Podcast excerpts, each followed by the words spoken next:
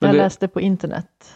Ja. Då är det sant va? Var du på mamma.se eller? Nej, det var det inte. Nej? Men jag väljer att tro på det. Ja, Mm. det kan väl ha varit så.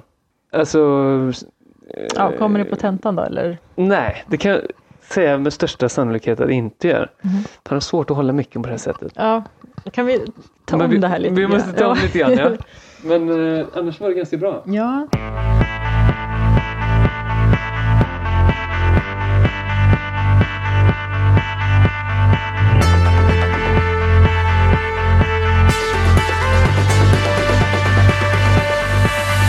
När jag finner mig själv i tider av trubbel, då kommer Moder Maria till mig och viskar visdomens ord.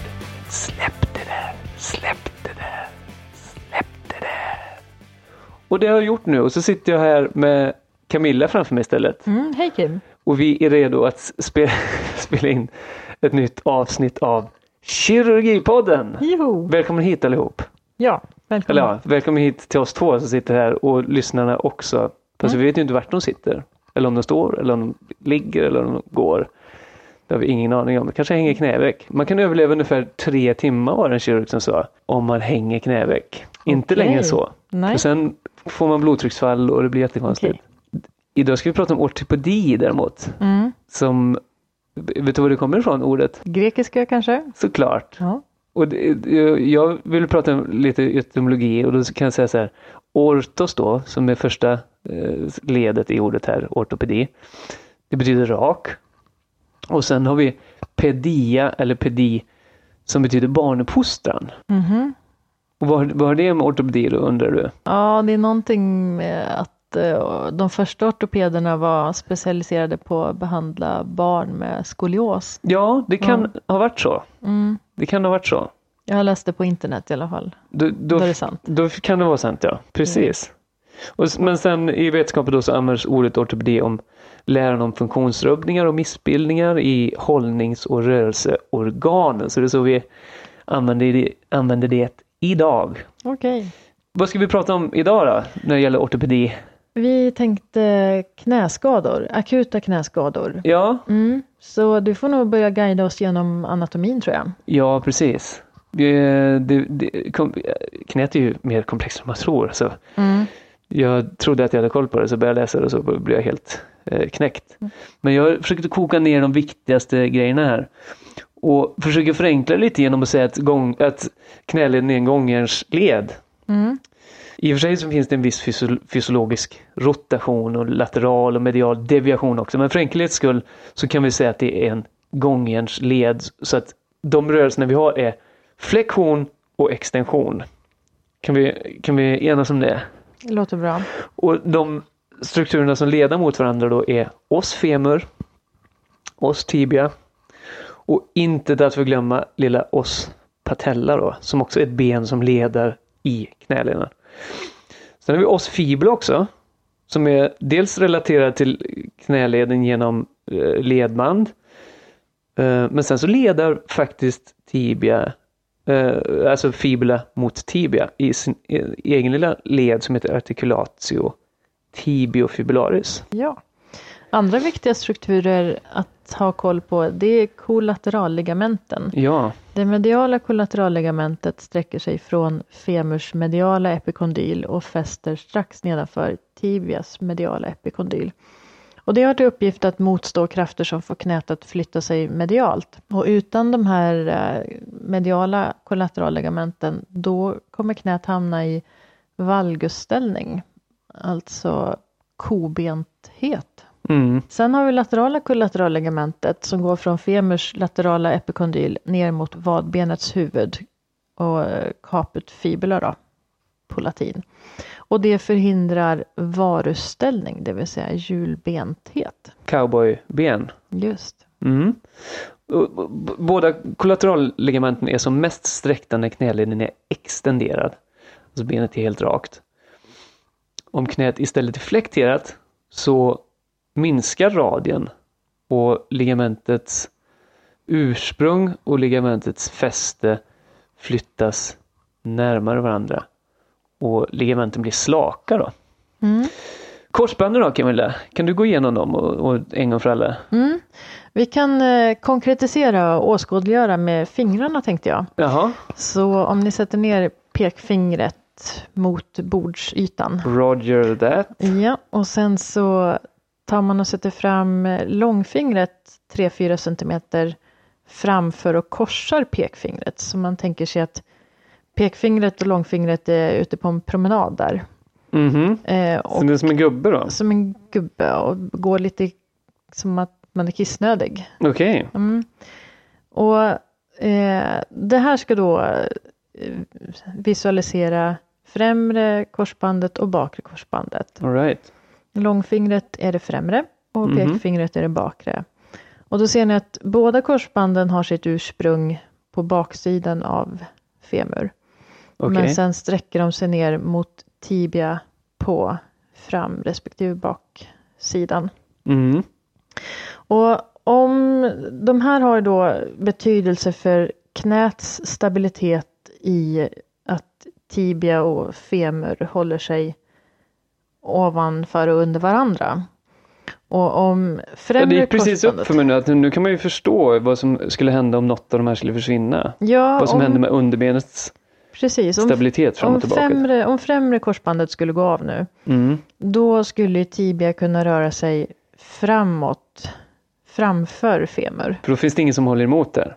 Just det. Då böjer sig det bakre korsbandet bara. Ja. Det blir slakt. Ja. Och om istället det bakre korsbandet går av, då kan tibia röra sig bakom femur.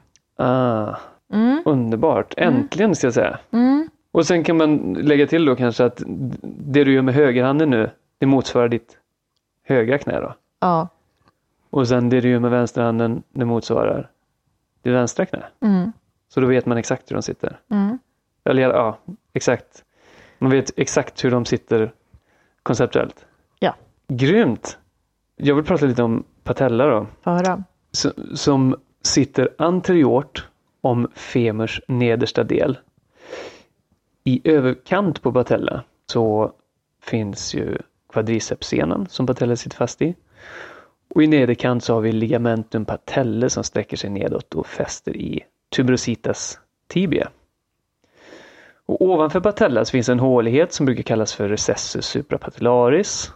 Och det är ju egentligen en förlängning av ledhålan eller håligheten i, i leden. Och om ledhålan blir full med vätska, till exempel vid hemartros eller artrit eller så, så då kommer den här vätskan även att lägga sig sub och suprapatellärt.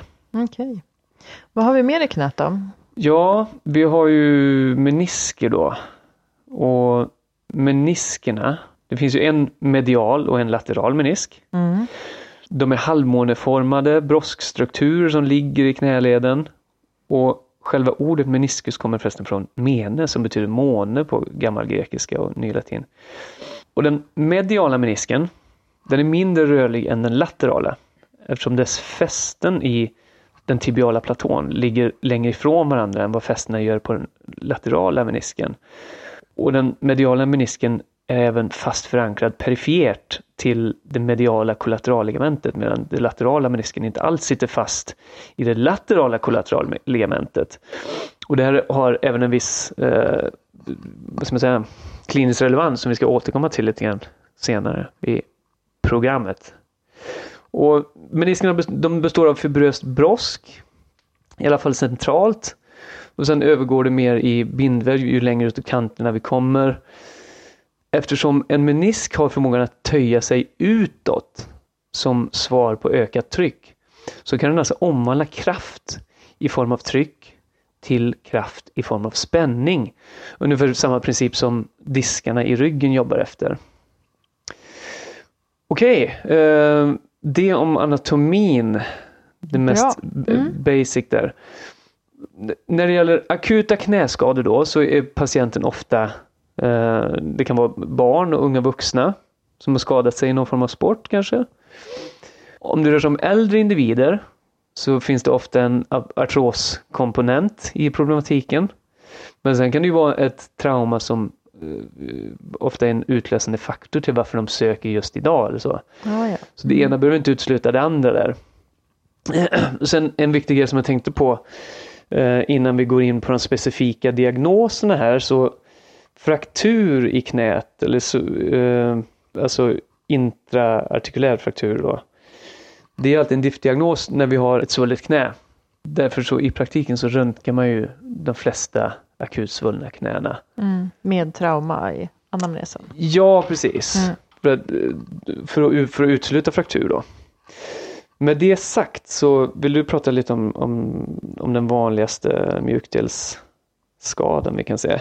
Ja, det är korsbandsskada. Mm. Och det är främre korsbandet som drabbas i 90 procent av fallen med skador på korsbanden. I över hälften av korsbandsskadorna är kombinerade med andra skador på kollateral ligament och menisker. Och bristningen kan vara total eller delvis. Patienten upplever ofta att någonting har gått av och kanske hört ett knäppljud.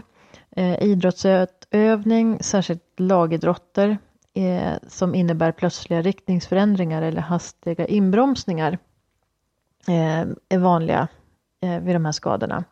Det är särskilt när foten hålls låst mot underlaget och femur utåtroteras med valgusbelastning som skada uppstår. Och det här ger också oftare kombinationsskador. Medan hyperextension kan ge isolerade skador och då på bakre korsbandet. Och en annan typisk skademekanism för bakre korsbandet är dashboard injury. Dashboard, det, det, menar man då när man, att man, som om- om man sitter i en bil och krockar och så slår i knät i instrumentbrädan då eller? Mm, alltså precis, alla skador som är eh, ett, en kraft riktad mot övre delen av underbenet. Mhm. Som till exempel det du nämnde. Mm. Indirekta skador är vanligare än kontaktskador. Det är 3 till 5 gånger vanligare vid tävling än träning och det visar på att intensiteten har betydelse. Och kvinnor drabbas 4 till 8 gånger oftare än män av korsbandsskada, vilket det finns olika teorier kring. Men mer Okej. än så vet jag inte om de Men du vet teorierna. att det finns olika teorier i alla fall? Så långt vet jag. Det är väl inte illa det? Mm, De flesta vet inte ens att det finns olika teorier kring det. Nu vet ni det. Eh, Men om jag står då på akuten kanske och, och misstänker att det är någon som har en korsbandsskada. Hur ska jag undersöka? Vad ska jag göra för status? Jo, då gör undersökning? du eh, Lachmans test Mhm. med eh, benet i 20-30 graders flexion Okej. och då känner du instabiliteten i sagittal riktning. Alltså framåt bakåt instabilitet. Mm. Eh, Det här testet har högre sensitivitet och specificitet än draglådetest faktiskt. Det, det där är intressant tycker jag. För jag tycker annars att draglådetestet känns verkligen så här foolproof när man gör det. Mm, men tydligen inte då. Nej, Ja. precis. Eh, snabbt uppkommen svullnad eh, är och tecken på hemartros och eh, förekommer vid eh, korsbandsskada. Mhm. Eh, om svullnaden kommer inom ett dygn tyder det snarare på hydrops utan blödning. Mm. Vid bakre korsbandsskada kan man se posterior sag och det är den skadade sidans tibia som hänger bakåt när man betraktar knäna i profil i eh, 90 graders flexion. Utredning. Ja. Eh, Diagnosen ställs kliniskt. Mhm. Slätröntgen görs akut för att utesluta fraktur. Och I samband med korsbandsskadan kan också ledkapseln skadas och ge upphov till en Då är segondfraktur. det segondfraktur eller något då? Ja, det, är ett, eh, det ser man på röntgen som ett avslitet fragment från laterala delen av tibia. Mhm. Eminentiefraktur, det kan förekomma hos yngre som fortfarande växer där främre korsbandet slits av med ett benfragment från tibiaplatån. Just det. Eminentia förresten, det pratade Mm. inte jag om i, i anatomigenomgången där. Nej, men en liten upphöjning på tibias. Just det, som en liten Platå. tuppkam kan man säga. Mm. Åtgärden, det finns eh, många sätt att lösa det här och därför så är behandlingsstrategin individualiserad. Eh, akut smärtlindring med NSAID kan begränsa skadan och förkorta läkningstiden. Vad är vi källa på det då? Eh, Medibas faktiskt. Mm. Man får vara försiktig nu för tiden vad man säger om NSA-idé alltså. Mm. Ibland får man själv när man Klurigt. skriver ut det. Ja, det är Mm. klurigt. Inled rehabiliteringen hos fysioterapeut i 3 till 6 månader och därefter får man utvärdera knäts stabilitet och se om det finns vikningstendens. Och utifrån individens aktivitetsnivå och funktionskrav får man ta ställning till operation. Och tidig operation har ingen visad fördel över operation i ett senare skede. Okej, Mm. så det är ingen fara att vänta alltså? kan vänta och se. Det verkar så. Mm. Kollateralligamentskada då? Mm. Där är det mediala som är vanligast drabbat. Mm. Anamnesen är valgusvåld i samband med idrott. I det Och- typiska fallet alltså? Ja, just Mm. det. Och i status så ser man ett svullet knä, palpamhet över ledbandets fästen. Om ligamentet har gått helt av så gör det mindre ont än om det har brustit delvis. Mm. Vid palpation alltså? Mm. Mm. Utredning eh, kan vara svårt att undersöka och utvärdera akut. Så då kan ett återbesök om 3-4 dagar vara bra. Då gör man ett sidvacklingstest. Både semiflekterat knä och i sträckt knä. Och det här lättböjda knät då, då är det kollateralligamentet som man testar. Medan Mm. helt sträckt så testar man både korsband och kollateralligament. Okej, det är därför man gör både och då? Ja. Mm. Åtgärd då? Mm. Vad gör vi åt det här då? Vid lättare skada, grad 1 eh, till 2, då rehabiliterar man och eh, det är fri mobilisering. Mhm. Och grad 2 till 3 så har man ortos i 4 till 6 veckor. Och det är det. Ja. Men s- Och, och när du säger ortos, då är det förmodligen en sån här sidostabil ortos vi pratar Ja. om? va? Ja. Okej, jag känner att jag måste prata allvar här lite grann om meniskskador. Mm. När det kommer in en patient och, som har en meniskskada så kan patienten ofta berätta om ett smärtsamt vridningsvåld. Det kan ha skett under utövandet av någon sport kanske. Ibland kan ett knäpp eller knak ha hörts samtidigt som patienten känt att någonting inne i knät gått sönder följt av att knät snabbt har svullnat upp. Det låter ju precis som korsbandsskada. Ja, det låter exakt som korsbandsskada. Så än så länge så har vi inte så mycket att gå på. Det kan vara antingen eller här. Mm.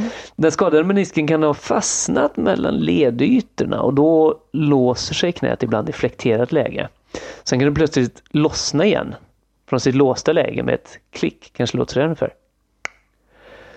Då kan det tyda på en så kallad hinkhandtagsskada av menisken. Det är oftast eh, den mediala menisken som skadas. Så är det i 70 procent av fallen av, av meniskskador. Och det beror ju på lite grann det som vi pratade om förut när vi gick igenom anatomin. Då, att den mediala menisken är mindre rörlig. Den sitter ju fast bland annat i den mediala kapseln. Då. 25 procent av meniskskadorna involverar bara den laterala menisken. Och hos 5 procent av meniskpatienterna så är båda meniskerna skadade samtidigt. Camilla, Mm. när du ska undersöka en patient Mm. som, och som misstänker en meniskskada, Mm. titta då efter effusion. Känn också efter effusion. Och då menar du alltså svullnad och vätskansamling? Ja, och du kan känna det här med hjälp av till exempel eh, testa eh, patellardans. Eller patellar tap som det heter på engelska. Eller så kan du utvärdera cross fluctuation som också är en bra, eh, bra undersökningsmetod. Du kan också känna efter palpationsömhet i ledspringan vilket indi- indice- eh, indikerar ska jag säga, skada av den menisk vars sida du palperar på. Mm. Så om det är den mediala sidan du palperar på så, eh, och det gör ont så kan det vara en skada på den mediala menisken och vice versa. Om patienten har ett låst knä då? Ja, försöker du passivt extendera benet och känner en fjädrande känsla så kan det tyda på meniskskada. Sen har vi ett test som heter McMurrays test. Det får du inte glömma Camilla. Mhm. Det är bra för att ringa in en meniskskada och då menar jag inte att man lyfter på luren och säger så här, hej, skulle, vi- kan, du, skulle, kan du komma in och vara meniskskada? Nej, Nej. utan man ringer in och försöker ställa diagnos. Okej. Och då kan man utåtrotera underbenet samtidigt som man fl- flekterar knäleden passivt. Och då testar du för medial meniskskada och vice versa vid inåtrotation då. Okej. Då testar du för lateral meniskskada. Om diagnosen är oklar då, då är det väl rimligt att, att vi symptombehandlar. Vi väntar ett par veckor för att sedan reevaluera. Och de patienterna som har förbättrats under den här tiden, de kan gå vidare med fysioterapi. Men om symptomen är oförändrade så bör man överväga kirurgi i det läget.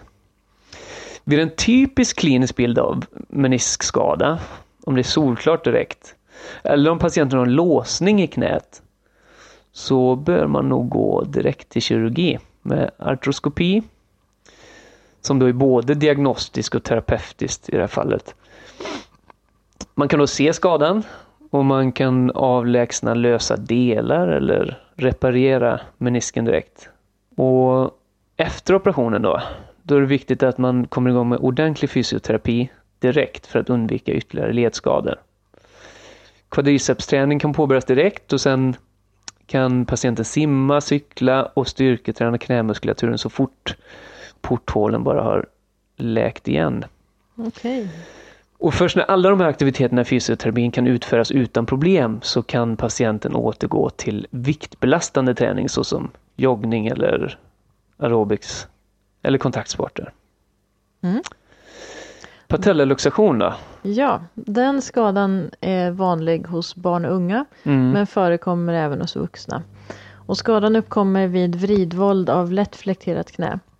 Patienten beskriver att knäskålen har varit ur led och i status så är det så att patella spontanreponerar i allmänhet vid sträckning av knät så det kanske man inte kommer se.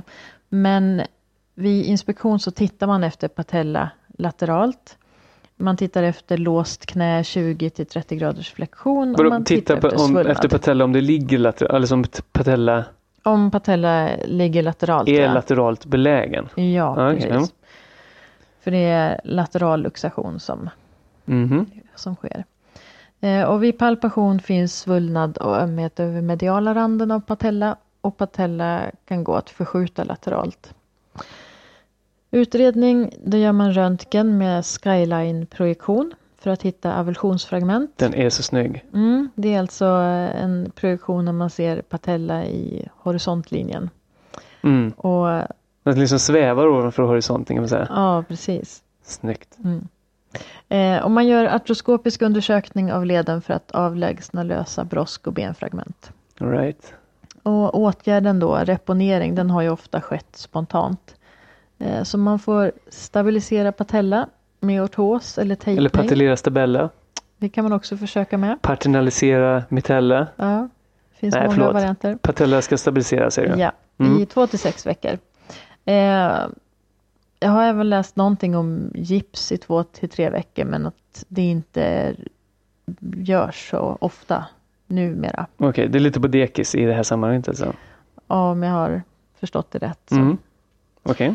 Eh, men patienten ska få komma till fysioterapeut för träning av vastus medialis. Yes. Och yngre patienter under 15 år de har högre ri- risk för återkommande patellaluxationer. Så om det här blir ett problem eller om patella står subluxerad så kan man åtgärda kirurgiskt med suturering eller genom eh, att man gör eh, laterala strukturer lite frisläppta. Ja. Man, skö- man lösgör dem lite grann. Man löser ju dem så att... eh, Gör en så kallad release. ja. Ja. Mm. Eh, men eh, även med patellaluxation då, så har man ingen visad fördel av eh, att operera direkt jämfört med senare skede. Okej, så här kan vi också ha lite is i magen. Mm. Mhm.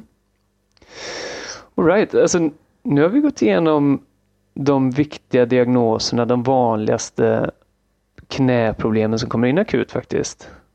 Mm. Så att, ja, får, står du på akuten och får in patienter med akuta knäskador eller så, så är det förmodligen någon av dem som vi har pratat om nu. I de allra flesta fall i alla fall.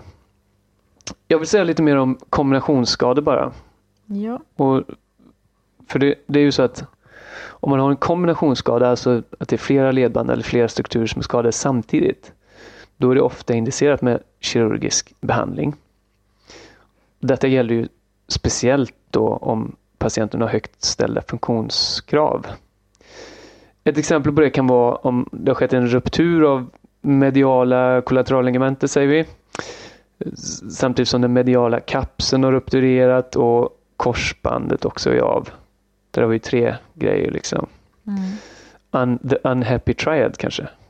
Var det det som syftade? Nej, det var Nej, inte det var inte det. samma sak. Förlåt, Nej. nu blev det leg- negativ inlärning. Mm. Det här var inte The Unhappy Triad. Nej, den Unhappy Triad det är eh, Vad var det? främre korsbandet, mediala menisken och mediala kollateralligamentet. Eller? Eller? Eh, jo, men det är det. Snyggt! Ja, det var det. Snyggt Camilla. Mm. Eh, Okej, men knäskador på akuten, det är vanliga skador. Vi har gått Mm. igenom de vanligaste diagnoserna. Mm. Tidig diagnos har betydelse. En del är viktiga att åtgärda akut.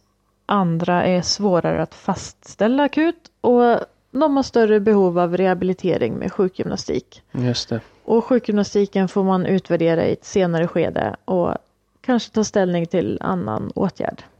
Mm. Mm. Du, en grej som vi glö- eller glömt har vi väl inte gjort egentligen. För vi har ju pratat om riktad status här nu. Mm. Men någonting som man alltid ska göra oavsett vad man undersöker egentligen, det är distal status. Yes. Så vi undersöker just puls, Sensorik neuro- sensorik och motorik. neuromuskulär funktion, reflexer, Mm. muskelstyrka. Eller hur? Mm. okej. Du ser otroligt tveksam ut. Eh, Nej men jag tänkte bara sen, sensorik och motorik lite korthugget men Jaha, okej. ja, ja. Jag kanske krånglar till det. Mm. Distalstatus säger vi i alla fall. Yes. Så ska vi göra allting som ingår i det. Och obs, fraktur igen. Jag sa det förut ju. Det är alltid en, en diff-diagnos när vi har ett svullet knä som är akutskadat. Så vi gör i praktiken nästan alltid en slätröntgen för att utesluta fraktur, eller hur? Mm. Mm. Och ledpunktion då, det här var en sån här grej som, som vi inte blir riktigt kloka på. I Mm. böckerna står det att man alltid ska göra en ledpunktion om du har ett svullet knä. Mm. Så det är väl det vi får säga då. Mm. Sen har vi sett vissa tecken på att man kanske inte alltid gör det ändå. Mm. Det, det beror på, som de säger överläkarna. Men eh, så står det i boken i alla fall. Så då går vi på det tills vi hör något annat. Mm. Eller? Oh, nu är vi klara med det här avsnittet. Och tills vi ses igen om, kan, blir det två veckor? Mm. Kanske. Kanske det, kanske. Det är så mystigt. Den här myst, Mm. mystikpodden ska jag byta namn till. Man vet aldrig, det är liksom som en grilla, man vet aldrig när den slår till härnäst. Ehm, när ni går där ute på era placeringar och avdelningar så tänk på vad Aymar Khan sa. Antingen ordbajsa precis så mycket ni vill, men ni måste bajsa rätt. Så är det. Hej då!